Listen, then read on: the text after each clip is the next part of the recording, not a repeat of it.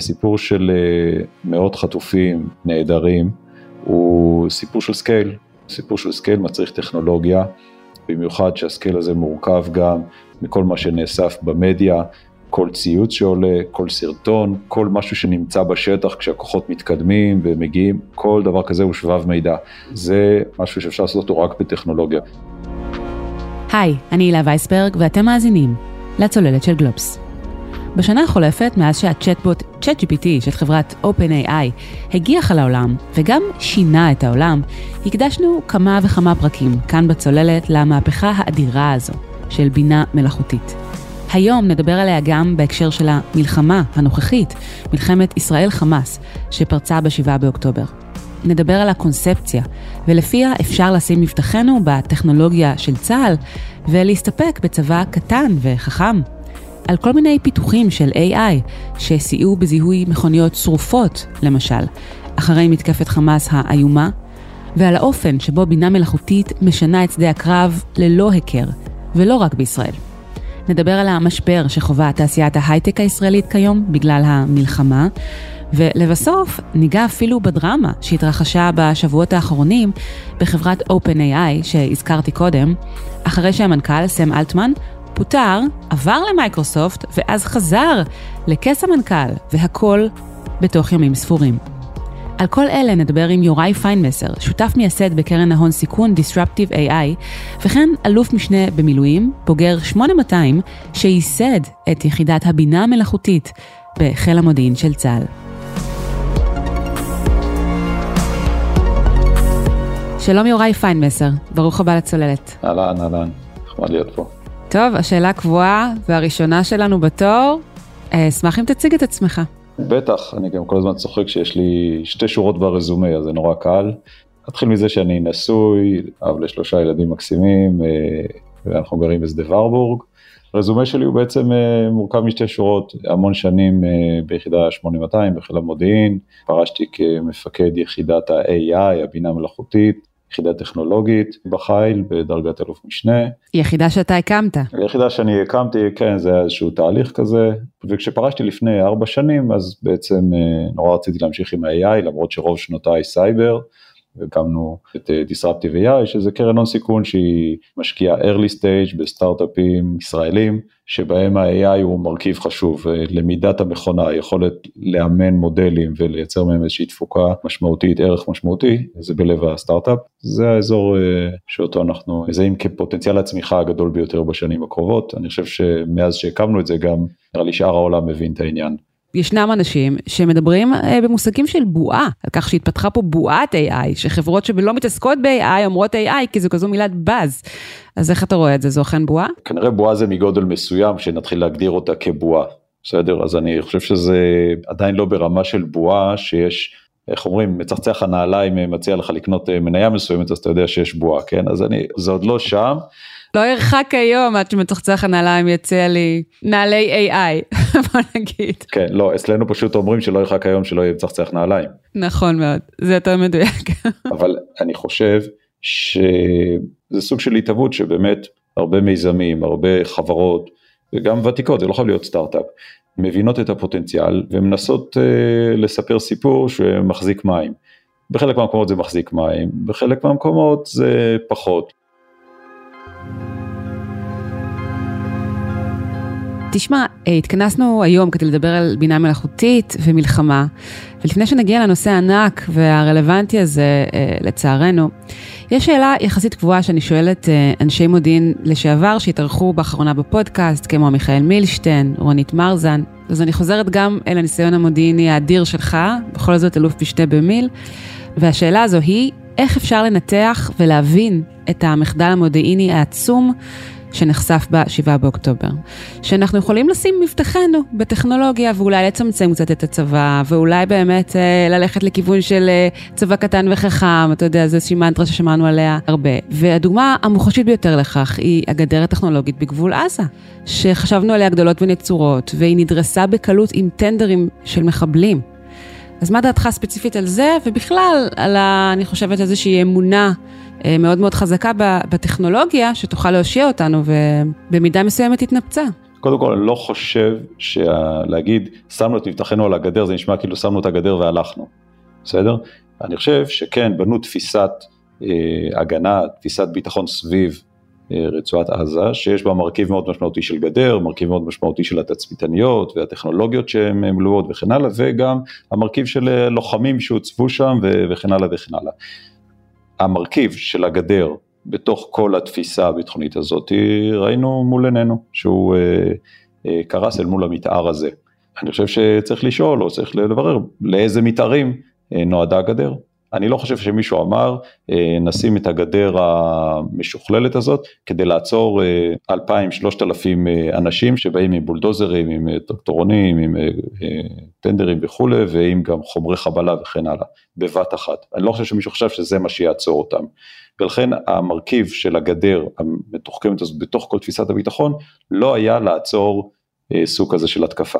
להפך, היא הייתה יותר מכוונת מנהרות, אם אני מבינה נכון, ופחות אה, מכוונת אה, פלישה מגובה. נכון, יש שם את המרכיבים שקשורים לדבר הזה, scale שונה לגמרי, זאת אומרת לא scale של מאות או אלפים שבאים בבת אחת ושוטפים את הזה.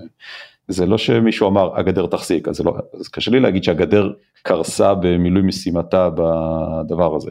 החלק שצריך להסתכל זה האם אה, היו עוד מרכיבים שהיו אמורים לטפל במתאר כזה שבכלל לא היה מתאר כזה, וזו שאלה שאני באמת לא יודע לענות עליה, בלי שיבוצע על זה ניתוח אה, משמעותי.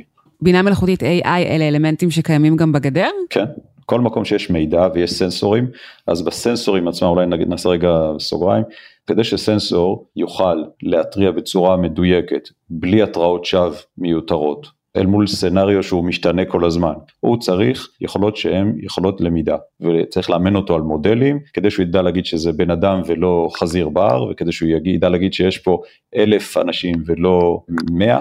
אפשר לקרוא לזה עיבוד תמונה, אפשר לקרוא לזה סנסורים ועיבוד תמונה, יש כל מיני סנסורים. בסוף מה שמתיך את כל המידע ומגיע מזה למסקנות או המלצות או תובנות יותר טובות על, המדידה, זה AI.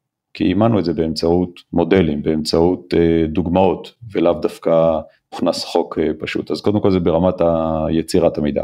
החלק השני זה לנתח מולטי מודל, זה נקרא את כל הסיגנלים, את כל המידעים לאורך זמן, ולראות אם יש אנומליות, כל מיני תופעות שהן אה, שונות, חריגות, לעשות קלסיפיקציה של כל מיני סוגים של נקרא לזה מדידות ותופעות שאתה רואה במקום שאתה בו עושה את הניסוי. ובסופו של דבר לדעת להציף את זה לבני אדם. החלק השני זה שבני אדם צריכים לדעת לקבל החלטות. אני כל הזמן אומר, זה שיש לי מובילאיי באוטו, זה לא אומר שאני מקשיב לו. יכול להיות שהוא יצפצף, יכול להיות שהוא אה, ירעיד את הזה, ויכול להיות שאני בכל זאת לא אפעיל איתות, ויכול להיות שאני בכל זאת אה, אתקרב יותר מדי לרכב שלפניי.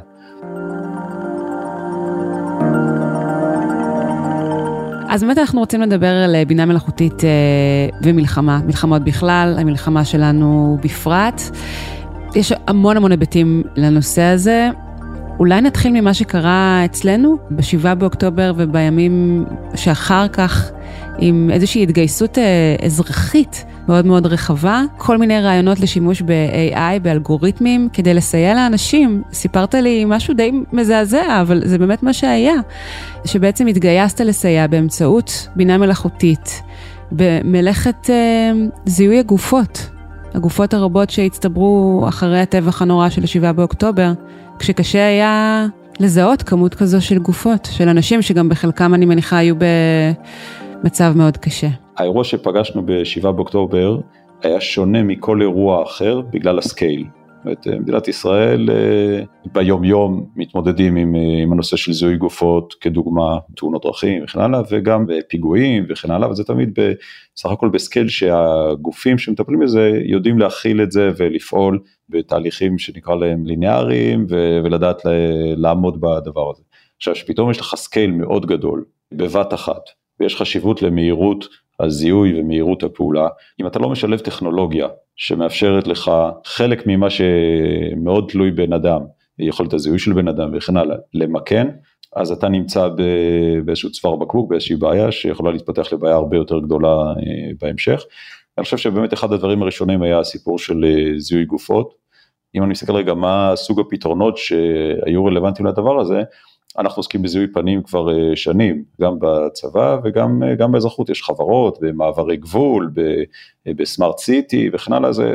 בדרכון הביומטרי. בדרכון הביומטרי, כן. אני לא מכיר שום מקום שבו זה נלקח לאזור של זיהוי גופות, שזה דבר שהוא מאוד שונה מבחינה, כאילו בסוף, מאיך שזה נראה, וכשיש מחלקות בבתי חולים שבעצם אה, רוצות לזהות מול מאגר של נעדרים, נגיד אם יש לך תמונות של אנשים שלא מוצאים אותם ורוצים לראות האם הגופות, כלים של זיהוי תמונה שעוברים אימון מחדש על דאטה סט שהוא אה, לצערי גופות, אז אתה יכול להביא פה איזושהי עזרה למי שבסוף צריך אה, לקבוע את הזיהוי עד הסוף, אה, לקדם אה, את התהליך של הזיהוי ולעזור לזה לקרות יותר מהר. מה, אז מה עשיתם? תסביר לי, אורן, מה היה. אז התחיל בהודעות וואטסאפים, בקבוצות של חדשנות ובקבוצות של AI וכל מיני קבוצות כאלה. זה.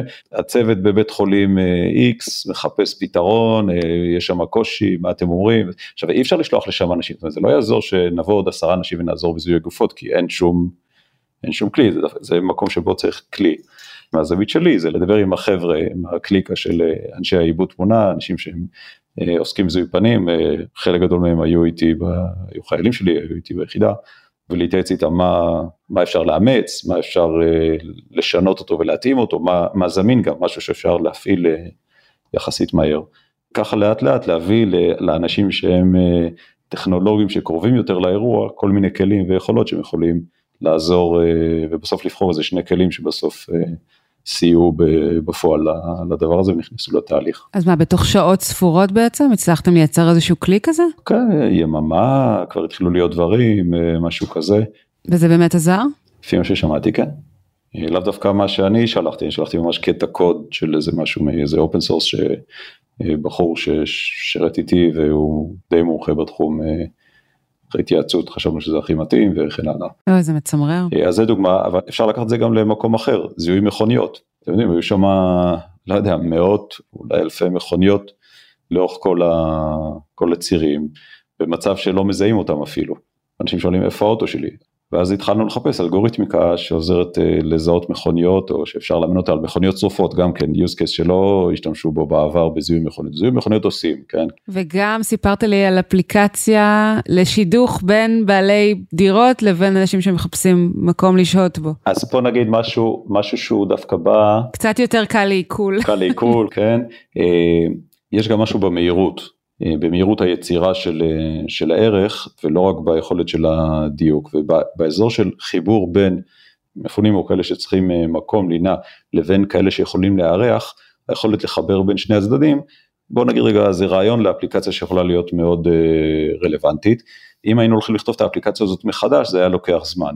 חברה שלנו מהפורטפוליו בשם ספיריט זאת חברה שבעצם משתמשת ב generative AI ל generate אפליקציות. את מתארת בצ'טבוט מה את רוצה, הוא שואל אותך רגע את רוצה את זה כמו וולט או את רוצה את זה כמו אובר, את רוצה את זה ככה, את רוצה את זה ככה, מה התכונות שאת רוצה, איזה פיצ'רים? וכן הלאה, את מתארת וזה מג'נרט את האפליקציה ברמה שאת יכולה להתחיל להשתמש בה.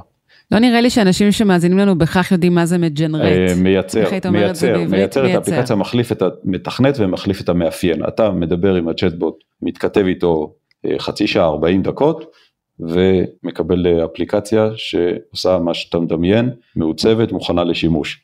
פשוט ייצרו מעל ספיריט אה, אפליקציה כזאת והיא רצה חזק מאוד בלא מעט אה, התארגנויות שעזרו ועדיין יש לה שימוש, אה, שימוש גדול. זה סתם דוגמה ל-AI שבא לעזור לקצר זמנים.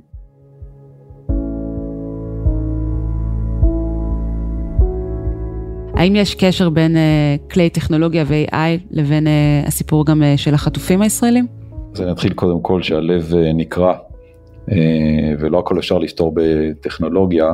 בסיפור הזה ומדינת ישראל השכילה, אני חושב יחסית מהר, להבין שזה מרכיב קריטי, כי הסיפור של אה, מאות חטופים נעדרים הוא סיפור של scale, כמו שאמרתי קודם, סיפור של scale מצריך טכנולוגיה, במיוחד שה scale הזה מורכב גם מכל מה שנאסף במדיה, כל ציוץ שעולה, כל סרטון, כל משהו שנמצא בשטח כשהכוחות מתקדמים ומגיעים, כל דבר כזה הוא שבב מידע.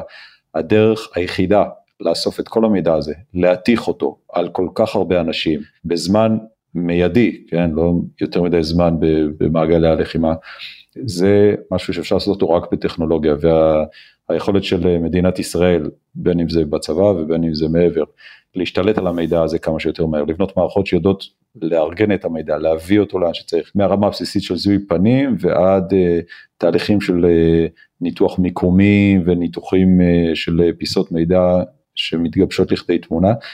בעצם זה מאפשר עוד כלי בידי מקבלי ההחלטות, בידי מי שמנהל את הקמפיין להשבתם של כל החטופים והנעדרים, ולכן אני חושב שיש פה ערך מאוד גדול לטכנולוגיה. לא כל מדינה, ואני אומר את זה בפה מלא, יש לה את היכולת לארגן טכנולוגיה כל כך מהר, להבשיל טכנולוגיה כל כך מהר ולהפוך אותה למשמעותית בזמן קצר.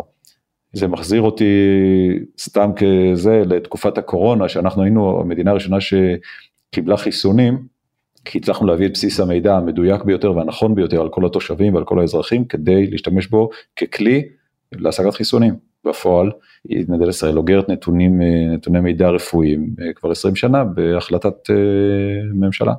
אז כשאנחנו באים לסיטואציה כזאת, אני חושב שהמאמץ הטכנולוגי שקרה וקורה, הוא מכשיר מאוד חשוב בדרך להשיב כל אחד הביתה, אני מקווה שזה לא הדבר היחיד, בסוף צריכים לקרות לא מעט פעולות, צריכים לעשות לא מעט דברים, אבל הטכנולוגיה היא כלי מאוד משמעותי, אני חושב שבלעדיו אפילו לא היה אפשר למפות נכון אה, מי נמצא בידי החמאס, אה, מה מצבו וכן הלאה.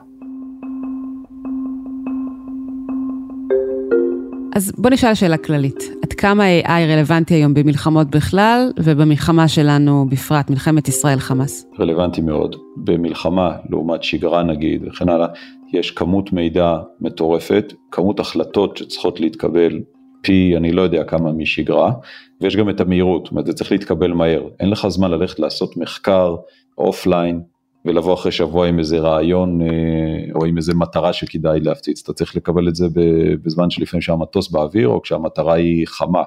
כדי לסגור את כל המעגלים האלה אתה צריך לנתח כמויות מידע אדירות, אתה צריך להפוך את זה לסוג של המלצה ואתה צריך שגם אה, במקרה שיורים גם אז צריך גם שיהיה בן אדם שהוא חלק מהתהליך הזה, זה גם יכול להיות מאוד רלוונטי לתכנן את מסלולי האספקה, איך מביאים, כמה מביאים, תחמושת, ציוד, אוכל וכן הלאה, אפשר לעשות את זה ידנית עם אקסל, אפשר לעשות את זה באמצעות מערכות שהן ממליצות, שהן לומדות, שהן מבינות את תנאי הכביש, את הצורך ואת, ה, ואת האספקה הנדרשת ועושות לזה אופטימיזציה. אתה יכול לתת דוגמאות? להמחיש לנו את זה קצת, עד כמה שניתן? תמיד אומרים עכשיו בטלוויזיה אה, במגבלות הצנזורה. אפילו לא מהמלחמה שלנו, ממלחמות אחרות, משדות קרב אחרים. מה, איזה מכשירים ישנם?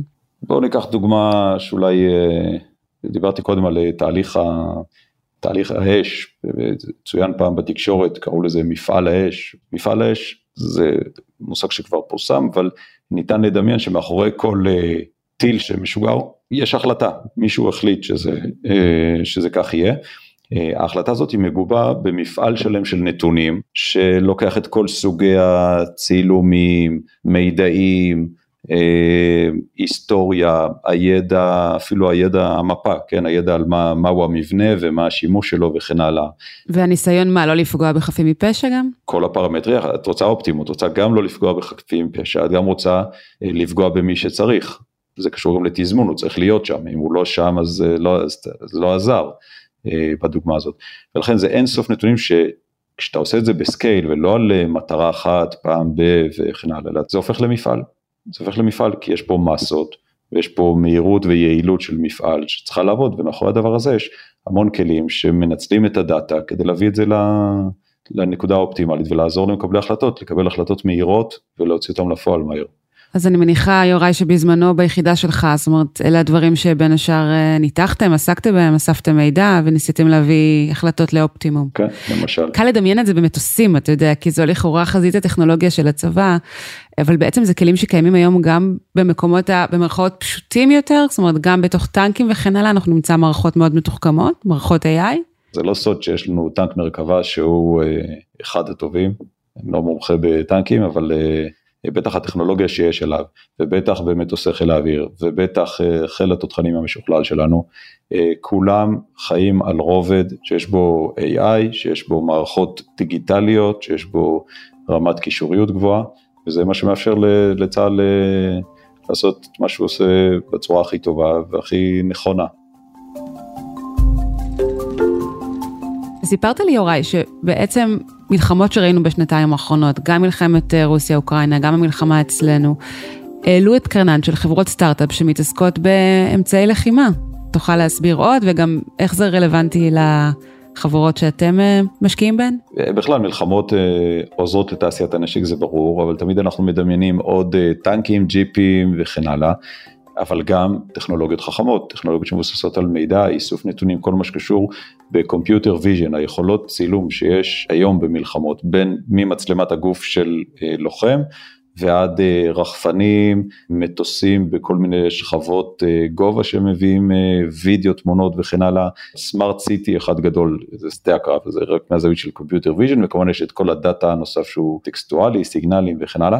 והדבר הזה בעצם מאפשר קרקע פורייה לסטארט-אפים, גם לחברות אה, שהן גם ככה בעולם הביטחוני ועל עושות מיזמים, נקרא לזה גם סטארט-אפים, כן, מיזמים שהם אה, נועזים מבחינת היכולת שלהם לנצל טכנולוגיה עתירה, ממש עד לכוונת של הרובה, נקרא לזה ככה בגרשיים. איזה תועלות אזרחיות למשל אפשר לפתח מסטארט-אפים כאלה? בואו ניקח סתם דוגמה, סטארט-אפ, לא נגיד שמות, שראיתי, האמת, כמה סטארט-אפים שראיתי בתחום, אה, שקשורים לניווט במקומות שבהם אין GPS. או ברמת דיוק יותר גבוהה ממה שאפשר ב-GPS, מהם המקומות האלה, כמובן מתחת לאדמה, בתוך בניינים, בתוך בתים וכן הלאה. עד היום סטארט-אפים שרצו לפתח פתרונות כאלה, היו צריכים אה, להתאמץ כדי להסביר את הצורך וכן הלאה, כדי לבגר את הטכנולוגיה שלהם. יש פתאום תהליך של אה, לחימה שמבגר להם את הטכנולוגיה, אבל גם מסביר לכל לקוח פוטנציאלי שיש פה איזה טכנולוגיה שאפשר להשתמש בה וגם זה איכשהו עושה חצי מתהליך המכירה.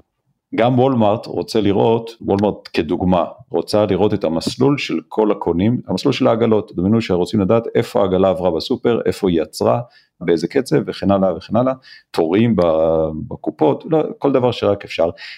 היום עושים את זה באמצעות המצלמות, יש מצלמות בסופר ומנסים מהמצלמות לחלץ את כל הדבר הזה. כשאתה מסתכל רגע על טכנולוגיה צבאית, טכנולוגיה צבאית היא בשדה הקרב, אין אה, מצלמות על כל אה, פינה, מה יש? יש מכשירים שהם אה, בעבר GPS, היום כבר יש דברים שהם גם לא תלויים ב-GPS, פשוט כי בשדה הקרב יש חסימות ל-GPS ויש עוד כל מיני אפקטים. אוקיי, okay, אז אני רוצה עכשיו לפנות אל, אליך בכובע המשקיע. זאת אומרת שאתם כקרן הון סיכון מחפשים גם כן חברות שיש להן יותר uh, הטיה לפתרונות טכנולוגיים שיכולים לסייע בשדה קרב וגם עם אפליקציות uh, אזרחיות? בוא נגיד רגע, מה זה קרן הון סיכון? קרן הון סיכון מסתכלת על מיזמים שהם רלוונטיים לאורך חיי הקרן. זאת אומרת, אם יש משהו שייקח 20 שנה לפתח אותו, אז זה מחוץ לאורך החיים של הקרן, זה גבול גזרה כזה, כן, אני מעדיף לא להיות שם. ולכן, כשאני מסתכל על טכנולוגיות כאלה, אני תמיד אחפש את ה-go to market האזרחי. כי מכירה לגוורמנט, ספציפית רק לגוורמנט, והתבססות על אה, תהליכי הרכש, הצטיידות וכן הלאה של צבאות או גופים כאלה, במקרה שלנו זה משהו שהוא אזור קצת מורכב, יכול לקחת יותר זמן לפעמים, זה אנחנו ספציפי, נסתכל יותר על היישומים האזרחיים, יש שוק שלם, שגם המימון שלו לאו דווקא דרך אה, קרנות הון סיכון אה, קלאסיות, אלא יש דרכי התפתחות אחרות, אבל אתה בהחלט יכול לבנות חברה מרשימה ומוצלחת שהיא באזור ביטחוני. ביטחוני הכוונה דרך אגב לא רק אה, צבא. באילו מוצרים למשל? למשל לדעת איפה המאבטח נמצא. בקניון, כן, סתם אה, דוגמה. למה, זה לא נורא פשוט לנטר אה, מיקום של טלפון? לא ניכנס עכשיו יותר מדי לטכנולוגיה, אבל למקם טלפון בתוך הקניון עם ההחזרים מהקירות וכן הלאה. הטלפון אין לו GPS שעובד בתוך הבניין, או אם זה בחניון. אפילו המכונה הזאת שמנקה את החניונים, היא יכלה להיות אוטומטית, יושב עליה בן אדם היום, כי קשה מאוד להתמצא בתוך החניון. סתם, הנה צורך שעכשיו המצאתי. ועכשיו השאלה אם אפשר בעלות של דולר, אה, לדעת כל הזמן איפה הוא ולראות את זה באיזשהו חמ"ל אה, אחורי, או לנתח לאחור, או...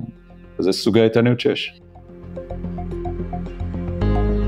המלחמה כמובן גם יש לה השלכות אה, כלכליות משמעותיות על אה, תעשיית ההייטק כולה, אתה בוודאי אה, מכיר, חווה על בשרך, רואה לא מעט מקרים, אבל אתה יודע, זה מתווסף לתקופה קשה ממילא, שההייטק הישראלי חווה, גם ההייטק העולמי, למרות שכבר התחיל להתאושש. כאן בישראל זה קרה בין השאר בגלל המהפכה המשפטית שהובילה הממשלה ברבעון הראשון והשני של 2023, הייתה ירידה של 70 אחוז בהשקעות כאן, בתעשייה, בהשוואה לשיא אה, שנראה קודם לכן, בתחילת 2021, ועכשיו כאמור אה, נחתה לנו המלחמה. מעניין אותי לשמוע ממך איך אתה חווה ורואה את הטלטלות האלה שעוברות על התעשייה.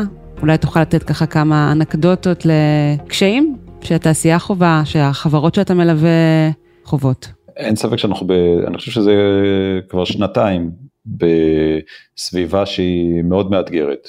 הסביבה הגלובלית, say no more, הסביבה הלוקאלית, עוד לפני המלחמה, say, say no, no more. more. ואם זה לא מספיק על, על גבו של היזם הצעיר והנחוש נכנסה הלחימה ואני מזכיר שכל זה זה אחרי שהיינו קודם בקורונה, כן?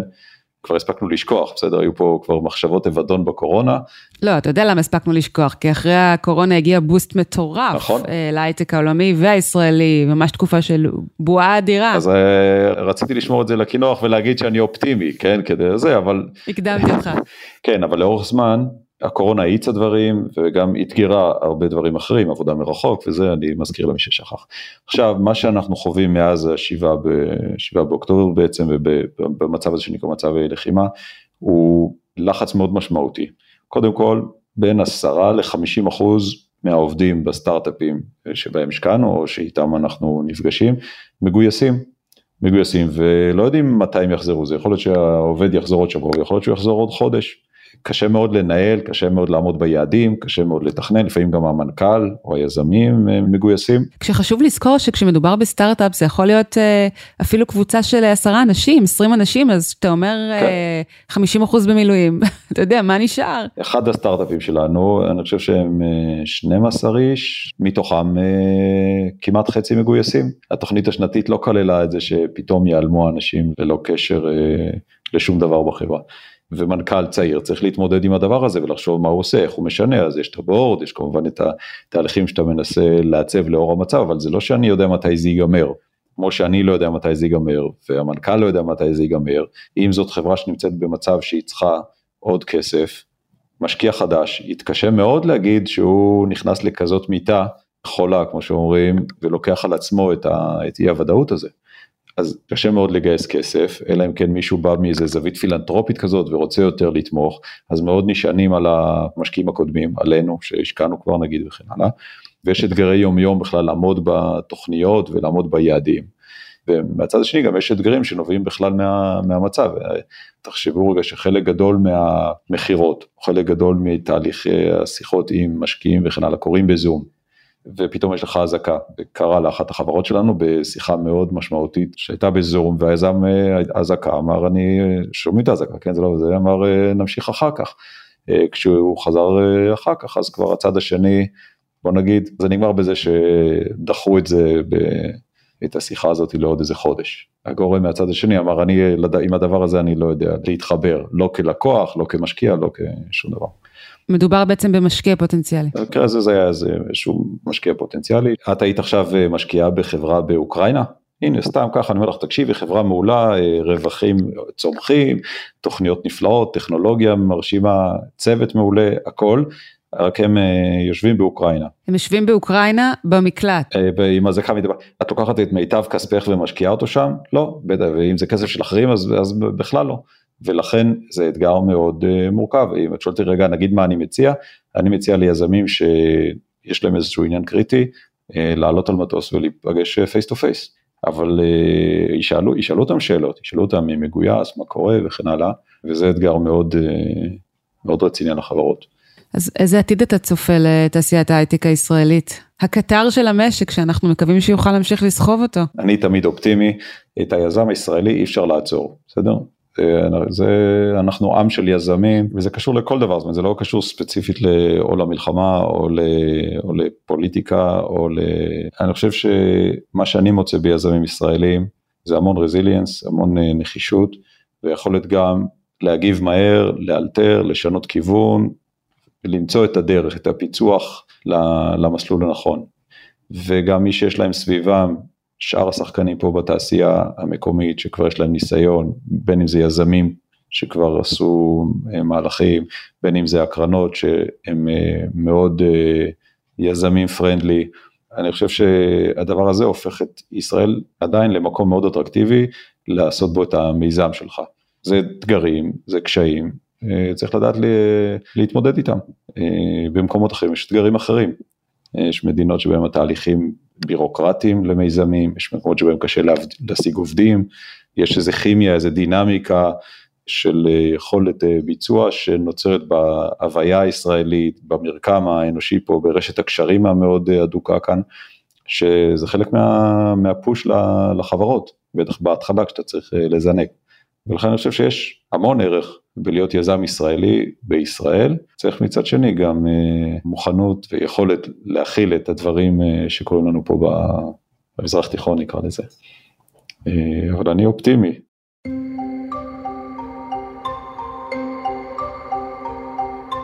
יוראי, אנחנו מדברים על AI, ואי אפשר לא לדבר גם על הטלנובלה שהתרחשה בחברת ה-OpenAI ממש בימים האחרונים, כשדירקטוריון החברה פרסם באמת לפתע, out of the blue, הודעה על פיטוריו של המנכ"ל הסופרסטאר, סם אלטמן. בתוך ימים ספורים אלטמן כמעט עבר למייקרוסופט, ואז הוחזר, ובאמצע התרחש מעין מרד אה, של עובדי החברה שאיימו לעזוב, סרט שלם. הערכות מדברות על חיכוך רציני שהתעורר בין אלטמן לבין המדען הראשי של החברה איליה סוצקובר. כשסוצקובר רוצה למשוך אל החזון שהניע את OpenAI מלכתחילה, החברה לתועלת הציבור, ואילו אלטמן פועל דווקא לקראתן של מטרות uh, יותר מסחריות ככל הנראה. עכשיו, מכיוון ש-OpenAI היא מלכ"ר, כן, חברה לתועלת הציבור, אה, מעין עמותה, אז בעלי המניות בחברה בכלל לא יושבים בדירקטוריון, אלא יושבים שם נציגים אחרים חיצוניים. למעשה, אנחנו מבינים, אם כך, שלבעלי המניות לא היה say לגבי החלטות קריטיות אה, שמתרחשות בחברה, כמו הפיטורים של אלטמן, שכבר אה, בוטלו. מה אתה מבין מהסיפור הזה, ומה עשויות להיות ההשלכות בעיניך?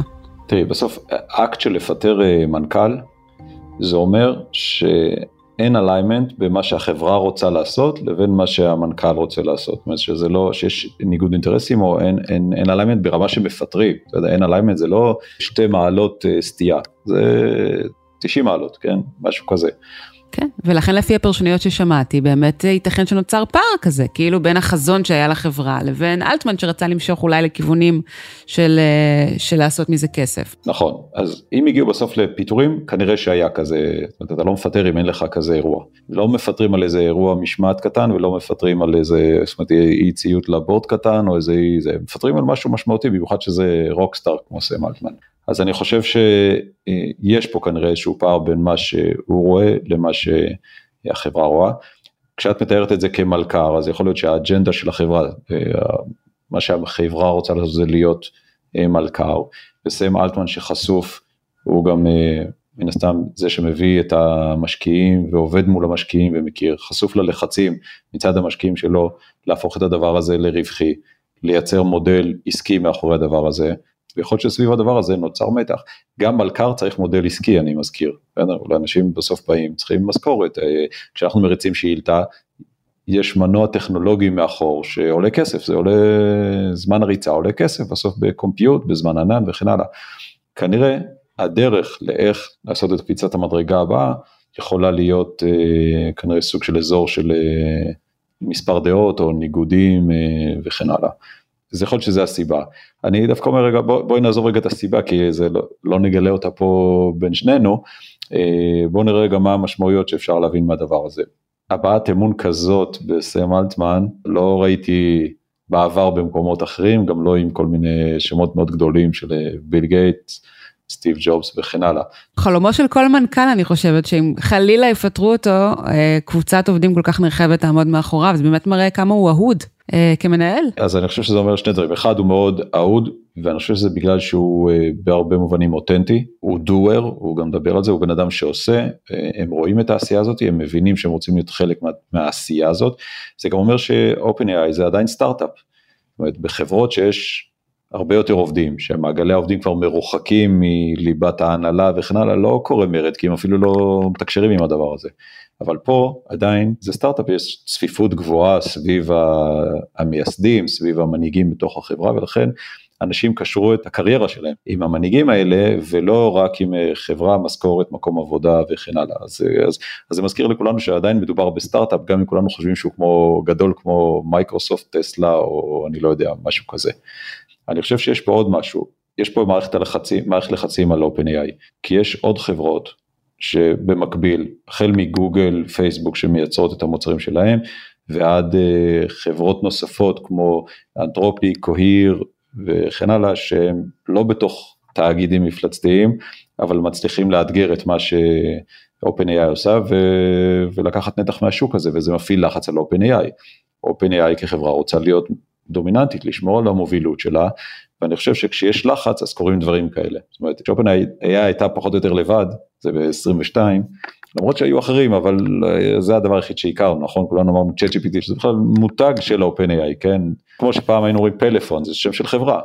זה היה לפני שנה, היום, ואתמול בדיוק שיתפתי גרסה של חברת אה, אנתרופיק, אין לי קשר אליה, אבל גרסה שעובדת לא פחות טוב מבחינת האילוזיניישן, האשליות, ומבחינת העברית, וכן הלאה.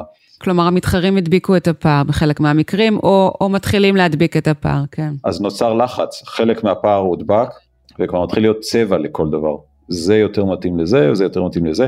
נורא מלחיץ להיות בהנהלה של חברה שעד היום היא הייתה לבד, ופתאום מסביבנו קורים עוד ועוד אה, דברים דומים, ואז צריך אסטרטגיה שמתאימה לזה, שהיא שונה מאסטרטגיית הפריצה והזינוק שהייתה ב-22. אני בכל זאת רוצה לחזור uh, לסלע המחלוקת. Uh, ואם לגעת בחששות של צוטקובר ואחרים, חשוב לזכור, אני חושבת, שהמרצה שלו ומי שעבד ופיתח את תחום הבינה המלאכותית בגוגל הרבה מאוד שנים, הוא נחשב ה-Godfather, הסנדק של הבינה המלאכותית, ג'פרי הינטון. הוא עזב באחרונה את גוגל כי הוא רצה לדבר בחופשיות על הסכנות שטמונות ב-AI. ובעיקר הוא חושש ממצב שבו המכונה תתעלה עלינו, בני אדם, באינטליגנציה שלה, ותעשה עלינו מניפולציות. כי יש לה את כל הידע שבעולם ללמוד, ועל סמך הידע הזה בעצם לעשות מניפולציות עלינו. מה שבעצם יסמן באיזשהו מקום את סוף האנושות. הוא מזכיר סיטואציות גם מעולם המלחמה, כמו רובוטים שישלחו לשדה הקרב במקום חיילים, ואז עלולות להתרחש כאן מלחמות חס וחלילה על ימין ועל שמאל. יש גם סכנות מיידיות יותר במישור הכלכלי. מיליארד אנשים מסביב לעולם, כך לפי הערכות אה, שהמשרה שלהם תתייתר. סכנות אדירות בתחום הסייבר, ועוד ועוד. איך אתה רואה את, ה... את הסכנות הללו? אפשר להתייחס לכל סכנה בנפרד, אבל בואו נגיד רגע שיש איזה עננה סביב כל העולם הזה של ה-AI, שהוא אה, האזור הלא נודע. בסדר? אנחנו אומרים, רגע, מה זה, אנחנו הולכים למקום שאנחנו לא יודעים אה,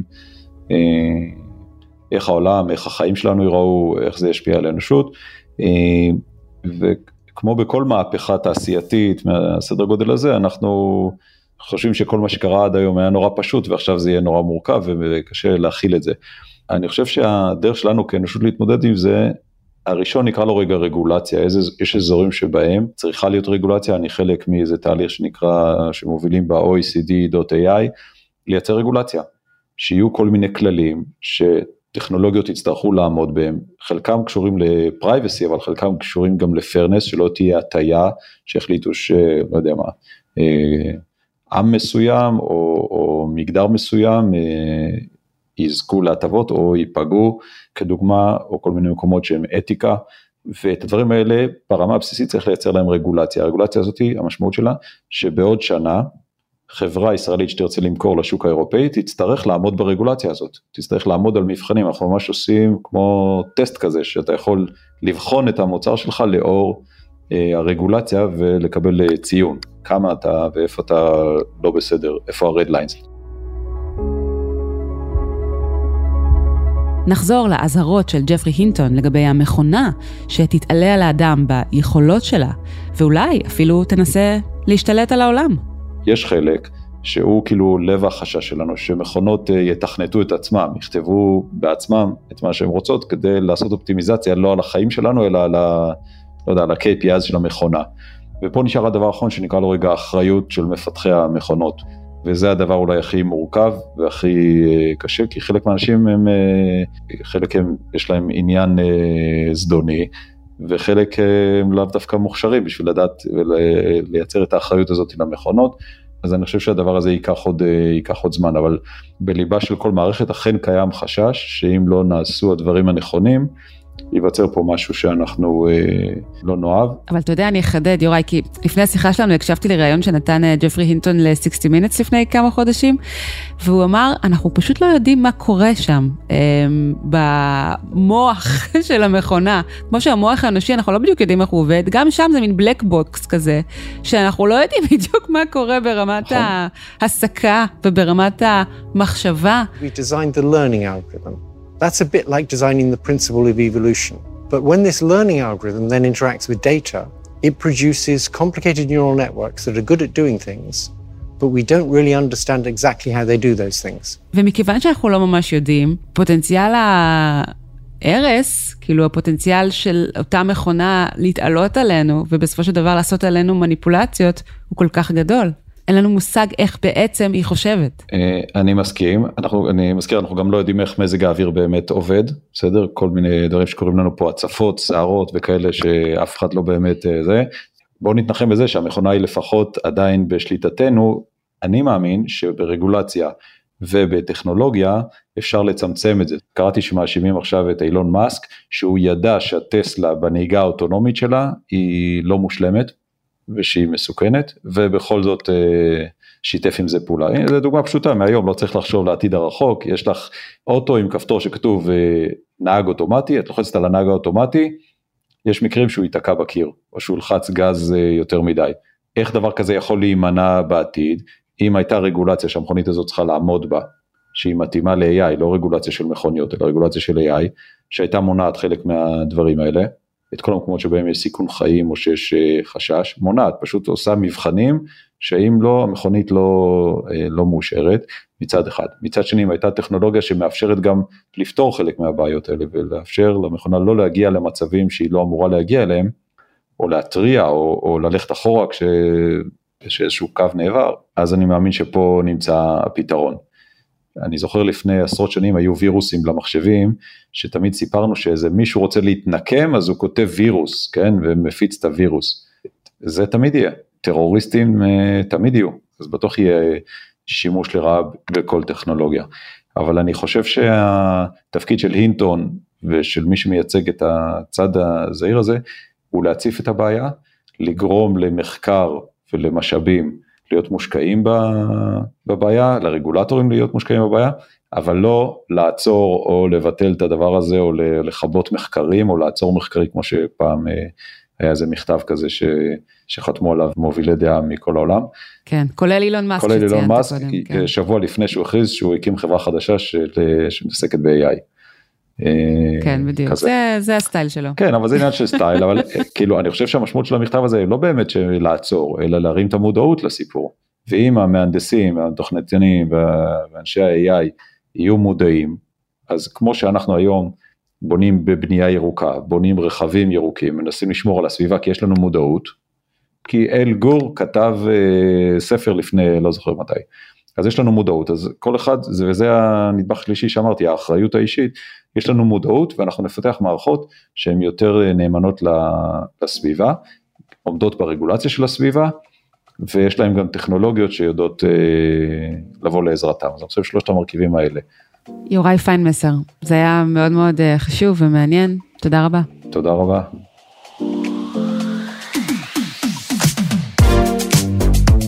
עד כאן עוד פרק של הצוללת.